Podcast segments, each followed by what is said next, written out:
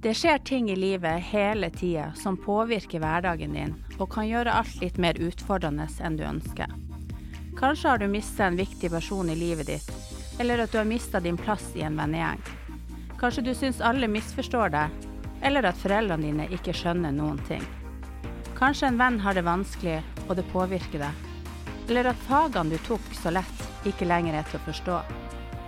Følelsene dine blir påvirka av alt det her. Og det å kjenne på at en ikke takler alt, og en ikke får, med, får til alt, er vanskelig. Dette skjedde nylig med meg. Alt stoppa opp. Det ble rett og slett for mange ting i livet som utfordra meg og de rundt meg, og jeg mista litt oversikt og kontroll.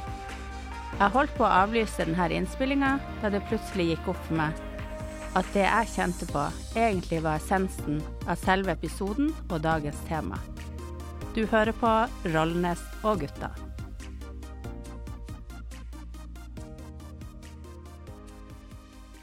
Hallaise og velkommen tilbake til en ny episode av podden som er laga til dere unge i Narvik kommune om rus. I dag skal vi snakke om rota til alt det gode og fantastiske, og alt det onde og ubehagelige, nemlig følelser. I studio i dag er Stein Ivar og jeg fra den faste gjengen. Håvard og Simon fra ungdomsrådet. Artig at dere vil være med oss. Velkommen. Så til dagens tema har vi vært så heldige å få med oss Ann Hege Gylland. Hun er helsesykepleier. Og han Ruben Kristensen som er kommunepsykolog. Hjertelig velkommen til dere også. Vi har i tidligere episoder snakka om rus og ulike årsaker til at folk prøver å bruke det. Vi har snakka om psykisk helse, trening, ernæring og spiseforstyrrelser og vanskelige høytider. Og fremover skal vi ha tema som overgrep, selvskading, selvmord, sex, seksualitet og det å passe inn og være god nok. Og i alle disse temaene står følelser veldig sentralt. Følelser som er oversett eller såra, følelser som fører til handlinger eller ulike sinnsstemninger, følelser som er undertrykt eller misbrukt, og følelser vi ikke tør å kjenne på eller godta at de er naturlige og en del av oss. Men hva er egentlig følelser? Ruben. Har du lyst til å begynne? Ja, det kan jeg gjøre. Følelser er jo noe som vi alle sammen har. Og i en eller annen grad så har vi litt sånn forskjellig forhold til det. Vi har, kommer jo fra forskjellige bakgrunner, vi har forskjellige erfaringer. Og vi har også ofte vært vant med å måtte håndtere forskjellige typer følelser i forskjellig grad. Men det er kanskje ikke så mange som tenker over hva det egentlig er. Så jeg tenker at det er et kjempeviktig spørsmål. Mm. Dette med følelser er jo noe som ikke er unikt for mennesker. Det er jo noe vi deler med andre dyr. De som har en hund eller en katt, eh, eller sett andre dyr som kyr, så ser man at de kan også vise frykt, glede, de kan vise sinne. Eh, sånn at vi vet at det her er noe som vi deler med andre dyr. Det vil si at det må være et eller annet som er ganske viktig med følelser for å fungere. Eh, og det er jo litt det her som er det spennende med følelser. Så, så langt vi forstår nå, så tenker vi at følelser er et veldig sånn viktig signalsystem for oss. Det det prøver å gjøre, er å hjelpe oss til å forstå og forholde oss til omgivelsene våre. Mm. Som for eksempel um, De kan komme med en kroppslig komponent. Vi kan kjenne det på kroppen. Hvis du er redd, så kjenner du det. Det er ganske smertefullt å være redd. Det kan knytte seg i brystet, det kan få vondt i magen og alt det her. Det kan også komme med en sånn slags mening eller forståelse av hva som skjer. Dette er farlig. Dette, dette, kan skade deg. Så det, så, kommer med en sånn informasjonsbit knytta til hvordan tolker følelsessystemet det som skjer nå. Uh, og det tredje er at ofte så kommer det med sånn, det man kaller et handlingsimperativ. En drive til å gjøre noe. Og det er litt sånn, Eller å ikke gjøre noe. Eh, og det er litt sånn forskjellig fra følelse til følelse. Frykt og sinne er ofte noe vi føler at nå må vi gjøre noe. Sånn Adrenalinet pumper, vi begynner å kjenne at musklene begynner å varmes opp for å gjøre noe. Mens derimot sånn velbehagsfølelser, så blir vi ofte litt mer inaktive. Tenker at her er et greit sted å være. Sant? Kanskje du skal holde det her, som er litt av signalet. Ja. Så man kan si at veldig sånn grovt inndelt så kan vi si at følelser um, prøver å fortelle oss om noe er bra eller dårlig for oss. Uh, og hvor sterk følelsen er. prøve å fortelle oss omtrent hvor dårlig eller hvor bra det er. Sånn helt grunnleggende. Kan vi si at det er en slags veiviser, da? Ja. Det er litt sånn naturens måte å plante en liten veileder inn i hjernen vår. Og da tenker jeg at, uh, som har kjent på følelsene i Mm. ganske mange år, at hvis det er en veileder, så kan vel også den veilederen være litt feil av og til. Helt riktig. Ja. Eh, Det som er viktig å være oppmerksom på, er at følelser er stort sett veldig nyttig for oss. Eh, Når vi snakker om at følelser begynner, som du sier, at de kan villede oss i stedet for Mm. veilede oss, eh, så er det ikke så mange tilfeller at følelsene våre trenger å ta feil før det begynner å bli plagsomt. Hvis du har det stort sett fint, men hver gang du går inn i en butikk, så, får du, så kjenner du på en kjempesterk frykt. Mm. Selv om det bare er isolerte butikker, så kan det et, bli et kjempeproblem. Ikke sant? Sånn at jo, noen ganger så kan de ta feil. Mm. Ja. Um, hvor mange følelser har vi egentlig? Altså, det noe, har vi noe tall på det? Jeg har i hvert fall prøvd å finne ut av det. Jeg syns at de, de lærde strides. Ja, de lærde strides. Det er et definisjonsspørsmål. Ja. Og jeg kan, jeg kan si litt om, om det helt kort. Um, det som det er ganske stor enighet om, enighet om, er det vi kaller for grunnfølelser. Og det er ting som eh, f.eks. frykt, sinne, glede, tristhet, avsky, forakt og overraskelse. Eh, og det her er ting som vi også ser. Det her er de tingene som vi ser hos de fleste andre pattedyr. I en eller annen form. Nok, nok en gang tilbake til Gordon Setteren eller Labradoren, så ser man alle de her tingene. Um, og det her er ting som vi også ser er kulturuavhengig. Det er like sant i Norge som det er på Papua Ny-Guinea. Eh, og de har også helt spesifikke ansiktsuttrykk og reaksjoner knytta til seg. Et, man kan se på noen når de er redd. Det ser annerledes ut enn når et menneske er glad eller blir overraska. Mens f.eks. Eh, tristhet eh, har, eh, har eh, noen muskelbevegelser i ansiktet som f.eks. kan bli her oppe i panna, som er slitsomt. Sånn at hvis du prøver å late som du er trist over tid, så vil man til slutt miste litt sånn kontrollen over de musklene, og så ser man egentlig gretten ut etter hvert. Så det er litt sånn, det, og, og, og folk kan oppdage det. Mm. Um, men, men det som er de her ansiktsuttrykkene, det er også sånn som vi kan gjenkjenne på tvers av kulturer. Stine Ivar. Tenker meg Følelsene jo, som du sier, det er overveldende. Det er et hav av følelser som spenner fra den ene til den andre, om det er bra eller ikke bra, og veldig bra og veldig lite bra. Mm. Men hvordan er det i forhold til å Kan man ta kontroll på følelsene? Kan man styre hva man føler? Ja, altså det, det, er jo, det er jo mange ting som påvirker følelsene våre. Og, og jeg tror det kommer litt sånn an på hvordan type følelser det er snakk om. Um, for jeg tenker det, det, er, det ene er grunnfølelsene. Men så er det at vi, vi, er, litt, vi er litt mer komplisert enn et beltedyr. Um, og det som skjer at f.eks. som flokkdyr så har vi et annet sett med følelser eh, og reaksjoner som eh, dyr som kanskje ikke lever i flokk, ikke har. For de trenger det ikke som vi deler eksempel mer med hunder enn vi deler med katter. F.eks. dette med du, Dere har alle sett en skyldig hund, hvordan de ser ut. Ja. De skjønner at de har gjort noe galt. Eh, katter bryr seg ikke så veldig mye om det. Um, så det kommer litt sånn an på hvordan, hvordan type følelse det er snakk om. Eh, ting som påvirker følelsene våre, eh, kan være ting som f.eks. kroppslige faktorer, som vi ofte overser. For eksempel, hvis du har eh, Din fysiske helse kan i veldig stor grad påvirke følelsene dine. F.eks. hormonelle avvik kan påvirke følelsene dine. Um, hvor godt du sov, hvordan ernæringa di har vært. Eksempel, hvis du spiser dårlig, eh, f.eks. hopper over frokosten, så gjør det et eller annet med hvordan kroppen fungerer. Og kroppen og hjernen vår er et og det samme. Så om du smertepåvirker, f.eks. Har, du, har du nettopp trent og har høy hjerterate, så kan det fort gjøre at hjernen tolker situasjonen annerledes enn ellers ville gjort. Det er veldig spennende, egentlig, Ja. eh, det her med følelser. Ja. Og dere ungdommen sier det, jeg syns dere det er vanskelig å prate om det. Ja, jeg spesielt prater jo veldig lite om følelser. Mm. Det er jo tider der man kanskje må gjøre det, men generelt så prater jeg lite om følelser. Og Mm. det kan jo bli vanskelig til slutt. At du prater lite om følelser, er det noe du har bestemt deg for, eller er det fordi at en eller annen årsak til at du ikke liker å prate om følelser, eller får til å prate om følelser? Eller? Det blir jo ofte sånn at det blir litt tabubelagt, på en måte.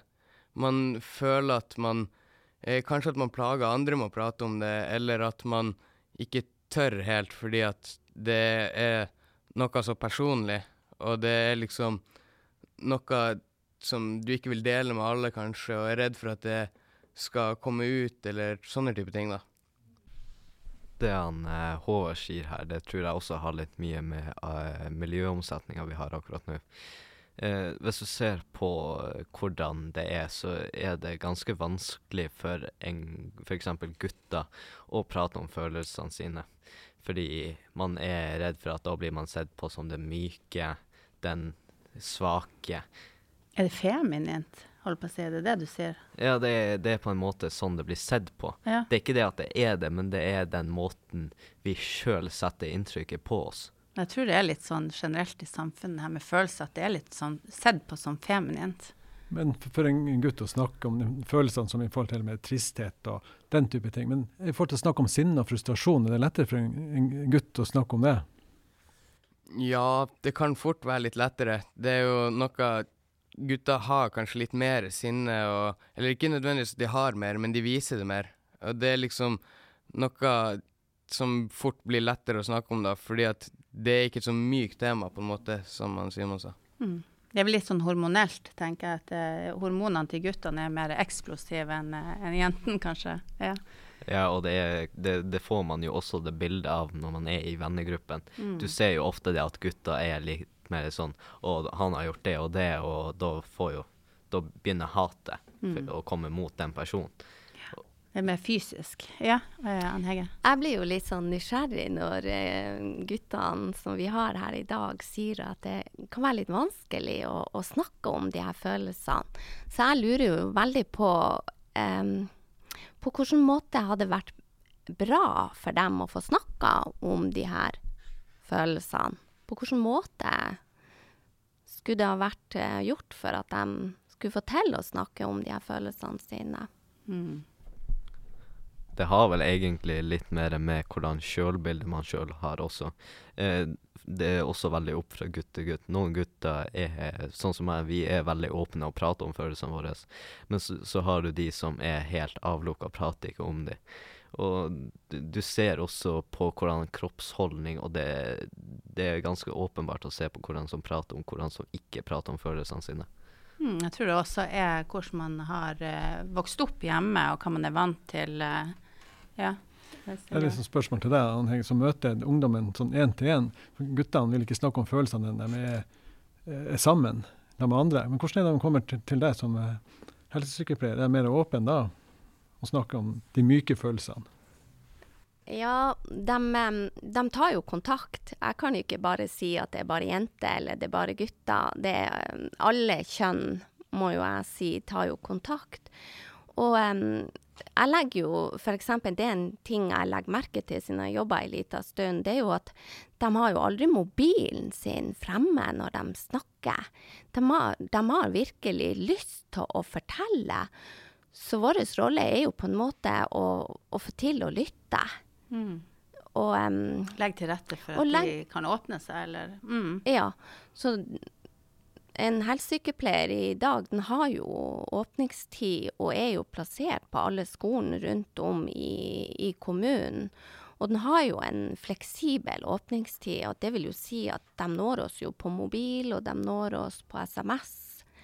Og um, ja, dere er tilgjengelige, rett og slett? Vi er tilgjengelige for dem. Og de setter seg ned og prate. Ja, og jeg tror det er en, et veldig godt tilbud som flere burde bruke, og som eh, mange kanskje ikke vet at det er der. Men samtidig så er det mange gutter føler kanskje at det er vanskelig å snakke med voksne om følelser. At det er lettere å snakke med folk på samme alder som kan relatere. Mm, tror jeg du har helt rett i. Ja, for at blant annet jeg, jeg prater jo ikke om følelser i det hele tatt med foreldrene mine eller voksne. Og hvis at jeg prater om følelser, så går jeg jo ofte til en venn eller en venninne. Og da er det ofte at eh, hvis du snakker med en venn eller noen i vennegjengen, så blir det vanskeligere enn hvis du snakker med noen, eh, ei venninne. Og sånn Jenter forstår kanskje følelser bedre hvis man snakker med dem om det. Det er litt mer at de er litt mer vant til det og kan håndtere det lettere. da. Mm. Eh, hvis vi går til det, hvorfor har vi følelser? Ja, det er jo dette med å, å på en måte prøve å hjelpe oss til å navigere i omverdenen. Så hvis man kommer liksom tilbake til, til det jeg snakka tidligere om, at eh, man ser f.eks. For litt forskjell i, i, i, uttrykk på flokkdyr og ikke-flokkdyr, så er vi helt klart et flokkdyr. Vi bor jo i en kjempestor flokk her i Narvik. Selv om vi kanskje ikke er like flinke til å tenke på oss som en flokk. Eh, men der har vi f.eks. den grunnramma med at vi kan kjenne på frykt, f.eks., som er den vi vil kjenne på hvis vi blir jaga av en tiger eller en, løve på savannen i Afrika for fem millioner år siden, våre forfedre, så er det det samme systemet som aktiveres når vi f.eks. Eh, oppfatter signaler på at vi kanskje er på vei ut av venneflokken. Sånn Sosiale bekymringer spiller på mange av de samme tingene. Og for oss som flokkdyr så er jo det at vi har vært avhengig av å være en del av en flokk for å overleve. Så det er kjempeviktig for oss. Så Noen ungdommer sikkert merker nå at i tenårene så er man hypersosial. Man er veldig mye sammen med venner. Man begynner å løsrive seg litt mer fra familien. Man begynner å plassere mer av tida si og innsatsen sin utenfor familien, med venner. Bygge relasjoner og, og komme inn i en kan man si, komme ut av familien og inn i landsbyen, på en måte. Hørtes det kjent ut? Ja, de nikker. Uh, og, og, og, derav er jo det her med at f.eks. sosiale uh, signaler betyr veldig mye for oss og kan vekke bekymring, uro, frustrasjon, uh, tristhet. Og så mange av de her tingene som, mange av de her tingene som, som på en måte er ganske vanlige i ungdomstida, kommer jo som et resultat av det at mye av innsatsen vår går i å prøve å finne ut hvor passer jeg inn i flokken. Sant? Er min plass i flokken trygg? Så alle følelsene er viktige for oss, rett og slett? Ja, altså vi, vi har dem fordi at på, på, et eller annet plan så, så, har de i hvert fall vært nyttig for oss fram til nå. Det er klart at nå er jo vi eh, en ganske primitiv ape egentlig plassert i et veldig komplisert samfunn. Sånn, at, eh, sånn at, at, at, det er klart at mange av de tingene som ligger i oss naturlig, kan bli litt malplassert i en del sammenhenger. For det er tilpassa helt andre omstendigheter. Eh, men, men, ja, altså følelser er i bunn og grunn nyttig for oss. Mm. Ann Hege, hadde du noe?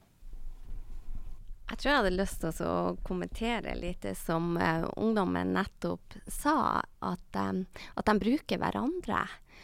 Og, og det, det, blir jeg egentlig veldig glad for å høre også, for det er veldig positivt. Målet er jo at man får lov til å dele det med noen. Og så Ja, ikke nødvendigvis hvem, men nei. at det er noen du faktisk tør å åpne deg opp for og snakke om det. Ja, det er jo det som er aller viktigst. Ja. Og så må man jo tenke, tenker jeg litt på at det her er jo ungdom, og ungdom er jo nå i en overgang. Og så det som voksen å bare vite at uh, du kanskje får et blikk eller bare ei halv setning fra ungdommen, det er jo også OK i dag. Fordi at de er ungdom. Og um, det at de har venner, og at de tør å dele det med vennene, ja det er, det er veldig positivt. Når vi først snakker om ungdom, da, så tenkte jeg at vi kunne si litt om det her med puberteten og, og det her med følelser i pubertet. For det, det er jo det jo søren ikke lett, altså. Det her med at det, det, svinger sånn eh, fra det ene til det andre. Det er kort vei fra glede til sinne til tristhet til glede igjen. Og jeg vet i hvert fall som mor sjøl at det, det, er ganske frustrerende av og til å, å oppleve. Men, men, så, men, så, skjønner man jo at det er mye er hormonelt. Men skjønner dere unge det? Skjønner dere at det er prosesser i kroppen som gjør at, at det svinger i humørene deres? da?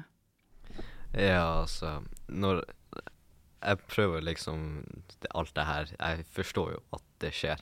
Og, um, Men er får, du bevisst på det i hverdagen? Jeg er fullt bevisst på det. fordi at det, jeg vet jo hvordan sjøl jeg vil være til vanlig. Mm. Og du setter jo den standarden for hvem du er.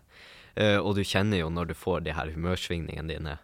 Og min sånn måte å håndtere det, det er da å gå og være litt for meg sjøl. Mm. Altså ta den tida bare å puste. Fordi at uh, F.eks. når man får angstanfall og alt sånt her, så hva er det helsesykepleiere og de anbefaler? Det er å puste. Ta et mm. godt innpust og et godt utpust, så er du tilbake på normal. Ja, ikke sant. Lurt. Stein Ivar. Men samtidig så må det kanskje være litt sånn utfordrende for dere også. dere ungdommene, de voksne, sier at det er sikkert hormonene. Det er sikkert hormonene. Dere, det, blir, det blir et påskudd uansett hvilken atferd dere har og følelser dere uttrykker. Så, så er det hormonene som får skylda veldig ofte i den alderen dere er i. Eller at det blir en unnskyldning. Eller, eller, eller unnskyldning, ja, dere, mm. ja, det er hormonene. Så det blir liksom ikke, det er ikke meg, men det er bare hormonene. Det blir noe annet. Jeg vet ikke, Har dere noe å si til det? Ja, det kan jo fort bli sånn at man eh, Siden man er i den eh, veksten man er i, og det er mye hormoner, at man tenker at eh, det er bare derfor det kommer. Men det er jo en grunn til at de kommer, selv om hormonene kanskje gjør at det blir mye kraftigere enn det det ville vært eh, hvis du ikke hadde hatt så mye hormoner. Men eh, man må jo Altså, det blir jo verre da, når du har hormonene, og da må man jo huske å tenke på at det er jo en grunn, og da må man prøve å finne den grunnen, da, og få gjort det man kan for å få gjort noe med det, hvis det er negative følelser, da. Hvis det er positive følelser, så er det jo selvfølgelig positivt, så da gjør man jo bare Fortsetter man jo bare. Mm, kloke ord.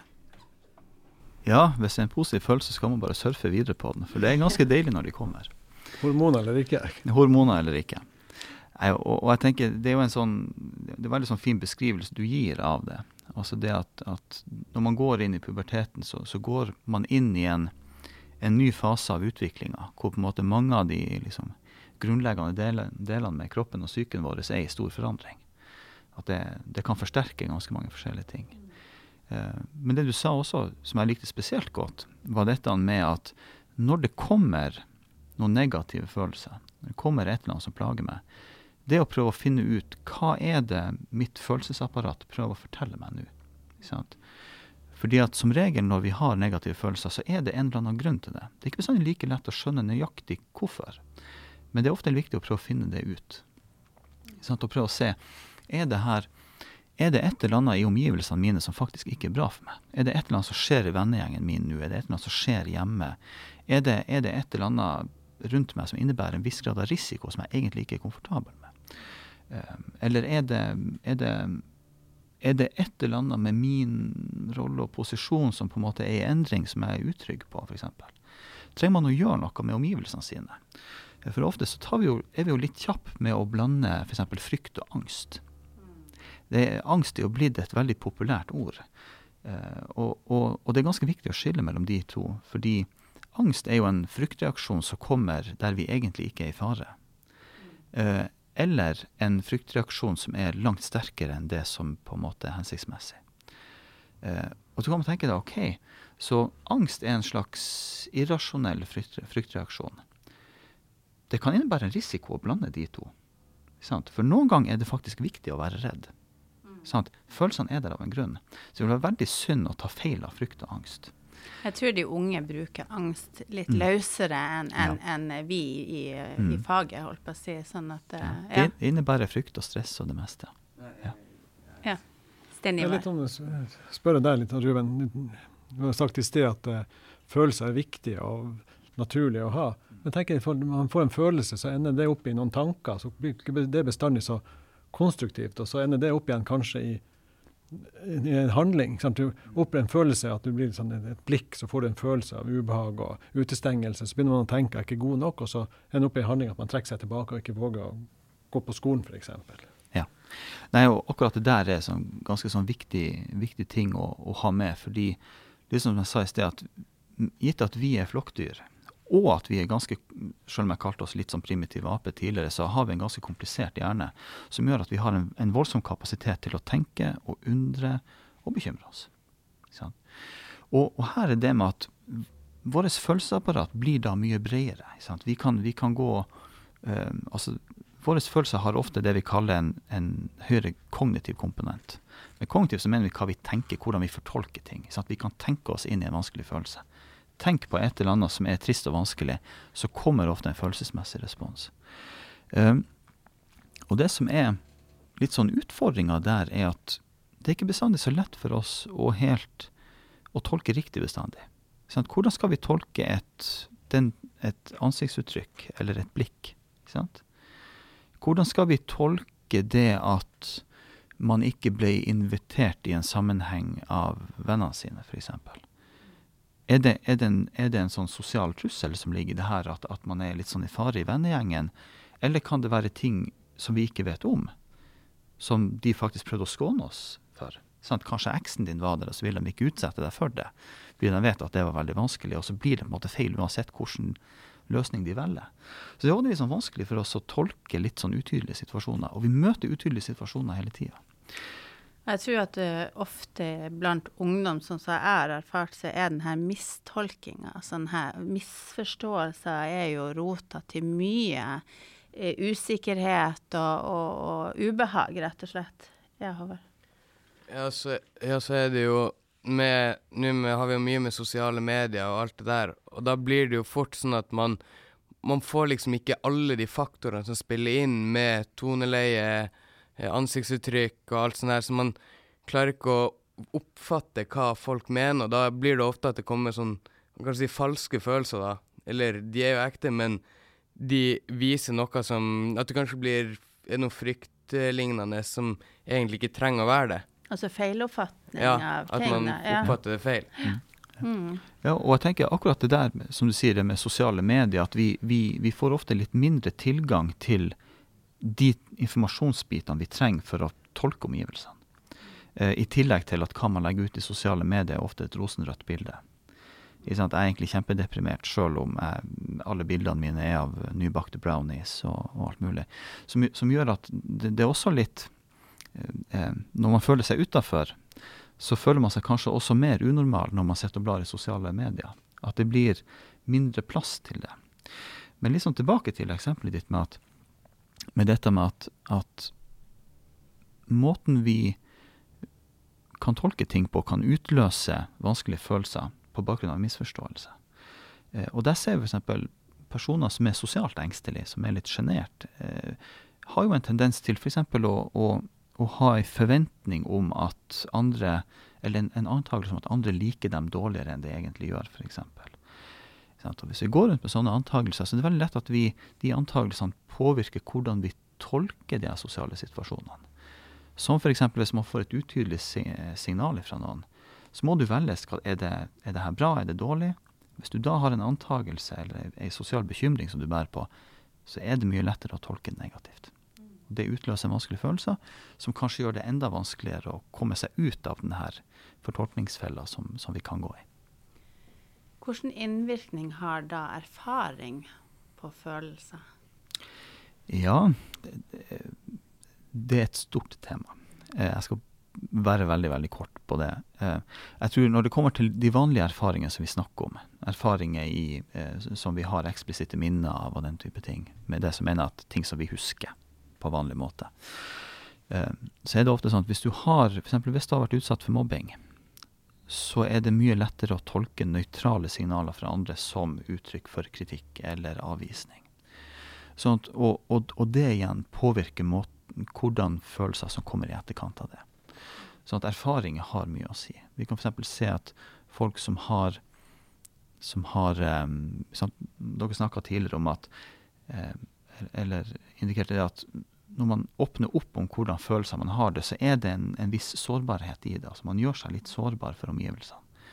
Sånn personer som kanskje opplever at de har gjort seg sårbar for noen, og så har det kanskje blitt brukt mot dem. Så vil det, tanken på å skulle dele noe senere, bli veldig vanskelig. Ja, da, sitter den langt inne. Ja. ja.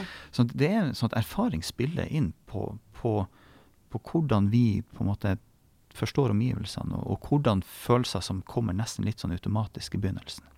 Så tror jeg òg gjennom oppveksten at eh, si, følelsene dine kan også bli påvirka av andre sin erfaring. Altså typ foreldrene dine, hvis de har formening om at noe er skummelt, så blir du òg påvirka eh, til det. Også syn på forskjellige ting, selvfølgelig, både politisk og i samfunnet. Men jeg tenker sånn, hvis vi skal ta et helt enkelt eksempel, sånn hvis, eh, hvis mor di er redd for at det kommer en mus pilende over gulvet, og hun roper til og gir uttrykk for at det er skummelt og farlig, så, så vil du naturligvis kanskje ta samme reaksjon eh, som barn. Lære at fryktresponsen er mm. adekvat i den situasjonen. Mm. Og det som underbygger det, er fryktfølelsen. Yeah. Sånn at uh, den type uh, f.eks. fobier kan, kan gå i, i, i, en slags sosial arv. Jeg hadde bare, jeg bare leste et eksempel når jeg snakket om det her med mus som var litt morsomt. Da, for det står at følelser har en forrang. Altså følelsene kommer før språk, kognisjon og refleksjon. Og da det her eh, museksempelet skulle bare si at det, når du ser ei mus komme pilende, så skvetter man til. Altså det, eh, da kommer følelsen av eh, frykt eller redsel, som altså gir at du skvetter til. Eh, så hyler du som nummer to, det er språket. Eh, og så kommer det at du, kognisjonen, at du forstår at det faktisk ikke er farlig, da. Eh, og til slutt så innser du at du blir å overleve det her. og det er refleksjon. Og det er, sånn, eh, det er, litt artig faktisk å tenke på det. For mange ganger så er den første den spontaniteten i, i, som man kanskje reagerer på. Og det kan jo være bli veldig feil hvis man reagerer på det spontane, altså på, på følelsen. Ja, eh, og jeg tror akkurat det eksempelet du gir, illustrerer veldig godt at følelsessystemet vårt er et veldig gammelt system når det kommer til evolusjonssammenheng. Derfor deler vi det med beltedyr og labradorer og hele, hele kostebinderiet. Uh, men en annen måte man kan se det der på, er å se på at vi har Ofte skal man dele det inn i primærfølelser og sekundærfølelser. Primærfølelser er denne følelsen som kommer litt sånn umiddelbart. Det kan være Hvis noen sier noe sårende til deg, så kommer den tristheten ganske fort. Uh, derimot så er det det at vi, vi, er jo ikke helt ferdig med responsen når, når denne første følelsen setter inn. Uh, ofte når vi blir f.eks. såra av noen, så kan det komme et sinne etterpå. Sånn vi føler oss krenka, det, det, det, her er ikke greit, jeg godtar det ikke. Så kommer f.eks. sinne som en sekundærfølelse. Noe vi på en måte som innehar en større sånn tankemessig komponent og tolkning. Eh, og det som er litt sånn interessant med sekundærfølelser, er at primærfølelsen kan være det at vi trenger litt sånn nærhet og støtte. Men derimot hvis sinnet kommer etterpå, så kan vi gjøre oss utilgjengelig for det vi trenger. Så det å prøve å være litt sånn oppmerksom på hva er det jeg signaliserer ut, eh, versus hva er det jeg egentlig trenger nå. så det du sier at hvis du egentlig blir trist eller mm. lei deg, mm. eh, men reagerer med sinne, Eh, så istedenfor å få den trøsta og nærheten, så får du avstanden eh, fordi at du viser sinne. Det er i hvert fall en risiko for det. Ja. ja. Jeg har det problemet når at jeg først blir sur, eller føler hat, så kommer tristhet rett etter. Fordi at du føler på den her hvorfor, hvorfor, føler jeg hat? Hvorfor, eh, det, vil, det vil ikke være meg. Så da får, får du hele tida den dystre følelsen rett etter. Men kan det være at utgangspunktet ditt er at du blir lei deg, eh, men at du viser det med hat eller med det kan, sinne? Det kan være mye. Ja. At utgangspunktet at du blir mm. ja. Og jeg, jeg syns akkurat det der er veldig interessant, det du sier. fordi litt sånn i tråd med det vi snakker om primær- og sekundærfølelse, det er at vi har ofte tanker om hva vi føler, og vi har tanker om hva vi tenker. Sånn, så vi har sånn mange nivåer og lag liksom, i, i vårt indre sjelliv. Eh, og tenker f.eks. hvis man kjenner på hat, som en kapasitet vi alle sammen har, eh, og så syns vi kanskje det er ubehagelig å hate noen, da er det jo kanskje forståelig at det kommer en sånn tristhet. Hvem, hvem er som tenker på dette? Jeg syns f.eks. noen følelser er vanskelig. Det å kjenne på hat er, noe som jeg syns er vanskelig, fordi jeg kjenner meg liksom ikke helt igjen i det. Mm. Jeg syns nesten mm. alle følelsene er vanskelig, til tider. Ja, han Hege? Ja, jeg blir jo veldig glad for eh, det han Er det Simon du heter? Det han sier, at eh, den ene følelsen kommer før, men jeg vet ikke hva. Og, og det er jo litt ut av spekteret til en ungdomstid. Det er at, det er jo et kaos av følelser. I hvert fall kan det være et kaos av følelser. Og de her overgangene som de går igjennom når det gjelder alder, det er jo ikke nødvendigvis sånn at det følger modenheten. Sånn at um, jeg blir egentlig veldig glad for at han sier det. Og da tenker jeg som, som voksen, eller i møte med en sånn person, det, Og det håper jeg de kan si litt om. Hvordan eh, At man kanskje ikke spør så mye om akkurat følelsen, men hvordan kan man hjelpe dem? Mm. Om det er et spørsmål som de syns er OK å få. For det, for det lurer jeg litt på. Ja, det er jo ganske vanskelig å hjelpe hvis noen eh, føler på flere følelser samtidig og ikke helt vet hva det er de føler på, og hva de sliter med, da. Hvis man har et noe man vet man sliter med, så er det jo relativt lett. Da kan man jo gå tilbake til det, og så finne en løsning. Men når man ikke vet, så er det jo ikke så mye man kan gjøre, på en måte. Da må man eh, prøve å trøste og bare være myk og hjelpe til på de måter man kan, og bare forstå, på en måte. Bare det at man forstår, hjelper jo mye. Jeg tenker Det viktigste dere unge gjør, det er jo at dere tør å åpne dere og fortelle hvordan dere har det. Så er det jo vi som jobber med det, som skal prøve å finne ut av, uh, av de andre tingene. Så dere må ikke prøve å overanalysere alt sjøl, for det, det, den jobben kan vi gjøre. Og så kan dere liksom egentlig bare uh, ta det enkle, og, eller enkle, det er jo ikke enkelt, men, men bare si hvordan dere har det. det. Mm. Men med det han Håvard sier, at uh, vi må Alt det her med følelser, så tror jeg også det er hos mange unge så har vi det problemet at vi vet kanskje ikke helt hva det er vi føler. Uh, at vi tror at vi har en følelse, men så har vi egentlig en helt annen en. Og så blir vi bare rett og slett forvirra. Og da kan det være veldig greit å få litt hjelp til det. Um, men hvordan påvirker følelsene da atferden vår? Vi har sagt litt sånn frem og tilbake om det, men, men du nevnte jo litt det her med angst og, og, og, tristhet og sinne, liksom. Det her, men det kan jo påvirke mange ting. Ja, altså følelser er jo, er jo noe som er en, en, en dyp del av oss. da. Og, og liksom som blir nevnt, at ikke bestandig blir helt sikre på hva vi føler. Og det blir jo, og det blir jo litt sånn utfordring, fordi følelsene skal jo prøve å hjelpe oss og forholde oss til omgivelsene på en eller annen måte. Sånn, plutselig så kan vi ende opp i en situasjon hvor vi går og føler på en hel masse, men vet ikke hva vi skal gjøre med det. Og det er jo en sånn spesielt eh, kjedelig situasjon, da. Man kan kjenne at man er frustrert, f.eks. Eh, nå er det jo litt sånn at når det kommer til hvordan følelser påvirker vår atferd eller våre handlinger, så tror jeg man kan se litt på et eksempel som jeg har tenkt en del på. Og det er at følelsene prøver å hjelpe oss å ta gode beslutninger. Med tanke på hva er det som er viktig for meg å gjøre nå når jeg står i et dilemma. Skal jeg gå til høyre, skal jeg gå til venstre? Skal jeg ta sjansen på dette, skal jeg ikke? Skal jeg henge med de? Skal jeg søke en annen flokk? Osv. osv. Og så er det litt sånn at følelsene kommer inn litt sånn uten ord. De kommer mer som en sånn kroppslig følelse eller en, en eller annen opplevelse vi har. Sånn at når vi tenker på én ting, så kjenner vi kanskje at ubehaget stiger litt. Og så blir det et signal om at kanskje jeg skal være litt forsiktig med det. Dette kjennes mer trygt ut. Eh, litt som et eksempel med tanke på at denne eh, podkasten heter vel sånn eh, om rus og sånt. Mm. Så, så, har jo jeg og Stiniva jobba mange år i rusfeltet sammen. Og, og, du vil kanskje kjenne igjen det her eksempelet. En av de tingene som f.eks. hjelper oss til å gjøre noe eller forebygge senere problemer, er følelser. Som f.eks. hvis man kjenner at økonomien begynner å bli dårlig, man begynner å merke at her er det en risiko, så kommer det et ubehag med den erkjennelsen. Som motiverer oss til å prøve å forebygge at dette blir verre. Ikke sant? kan være det samme som hvis man kjenner at man er på vei ut av en vennegjeng. Så kommer det et ubehag som motiverer oss til å prøve å forhindre det her.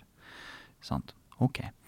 En av de tingene som, som skjer hvis vi koble ut det ubehaget ved bruk av rusmidler f.eks., er at vi ikke lenger tar problemet tilstrekkelig på alvor.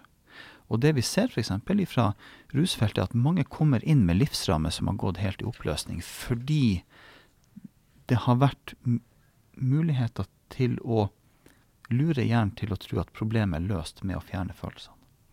Er det det som å undertrykke følelser, eller? Det blir ikke helt Eller man, man, man, man gjør det jo da kjemisk. Mm. Men, men, for å illustrere viktigheten av å faktisk ha følelser. Fordi at det hjelper oss til å forebygge ting, det hjelper oss til å iverksette tiltak, det hjelper oss til å oppsøke hjelp når vi trenger det, det hjelper oss til å trekke oss unna ting som har en høy grad av risiko. Og, og vi ser at i de tilfellene hvor vi av en eller annen grunn utafor vår kontroll, eller i vår kontroll, på en måte mister kontakten med følelser i særlig grad, så har det konsekvenser for hva vi gjør og hva vi ikke gjør. Som, i, som kan på en måte få store konsekvenser. Ja. Det, jeg må bare si det at det her eh, følelser er egentlig ganske vanskelig til tider, altså. Ja, Ann Hege? Ja, men jeg syns det er en litt sånn fin ting å tenke på når alt blir litt sånn vanskelig med følelser. Så tenker jeg på en bare sånn kort ting at eh, Man blir jo til Jeg blir jo til meg i møte med deg. Så uansett hvem man møter, så er det jo kjempeviktig at man får et godt blikk. At man blir møtt på en god måte. For man blir jo til meg. Altså, jeg blir jo til meg i møte med deg. At vi møter hverandre på en vennlig måte og er lyttende. Jeg vil høre historien din. Jeg er interessert i hva du forteller. Og med det så påvirker du faktisk eh, andre sine følelser også. Ja, det syns jeg kanskje ungdommen kanskje ja. har lyst til å si noe om. Simon.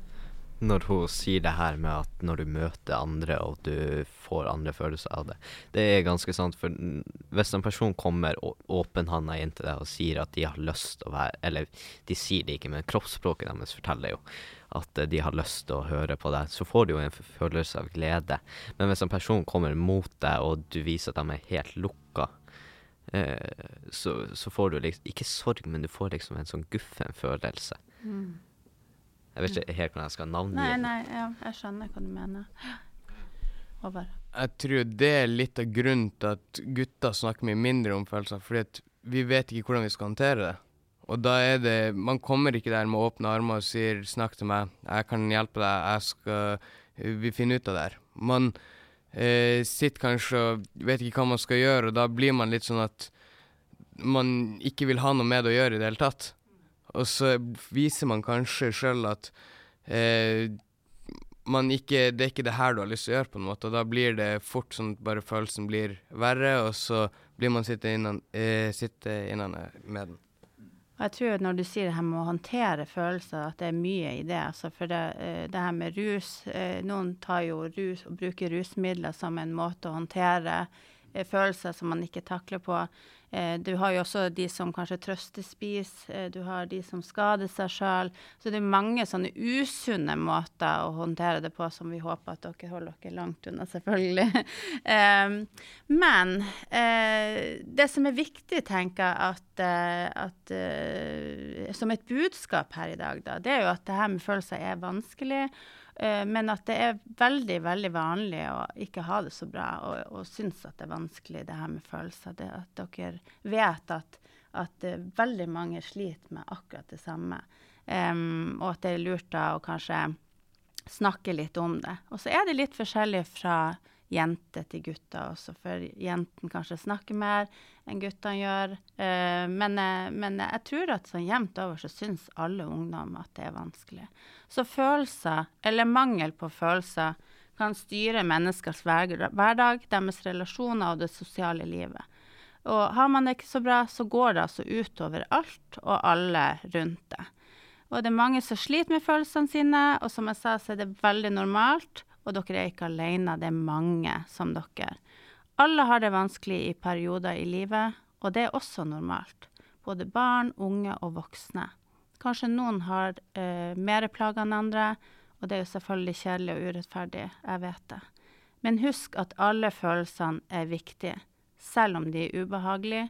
Så prøv å snakke med noen om det her, og spesielt om ubehaget blir altfor stort. Og denne dagen og denne episoden gikk veldig fort, men det var det vi fikk tid til. Så til neste gang, vi høres.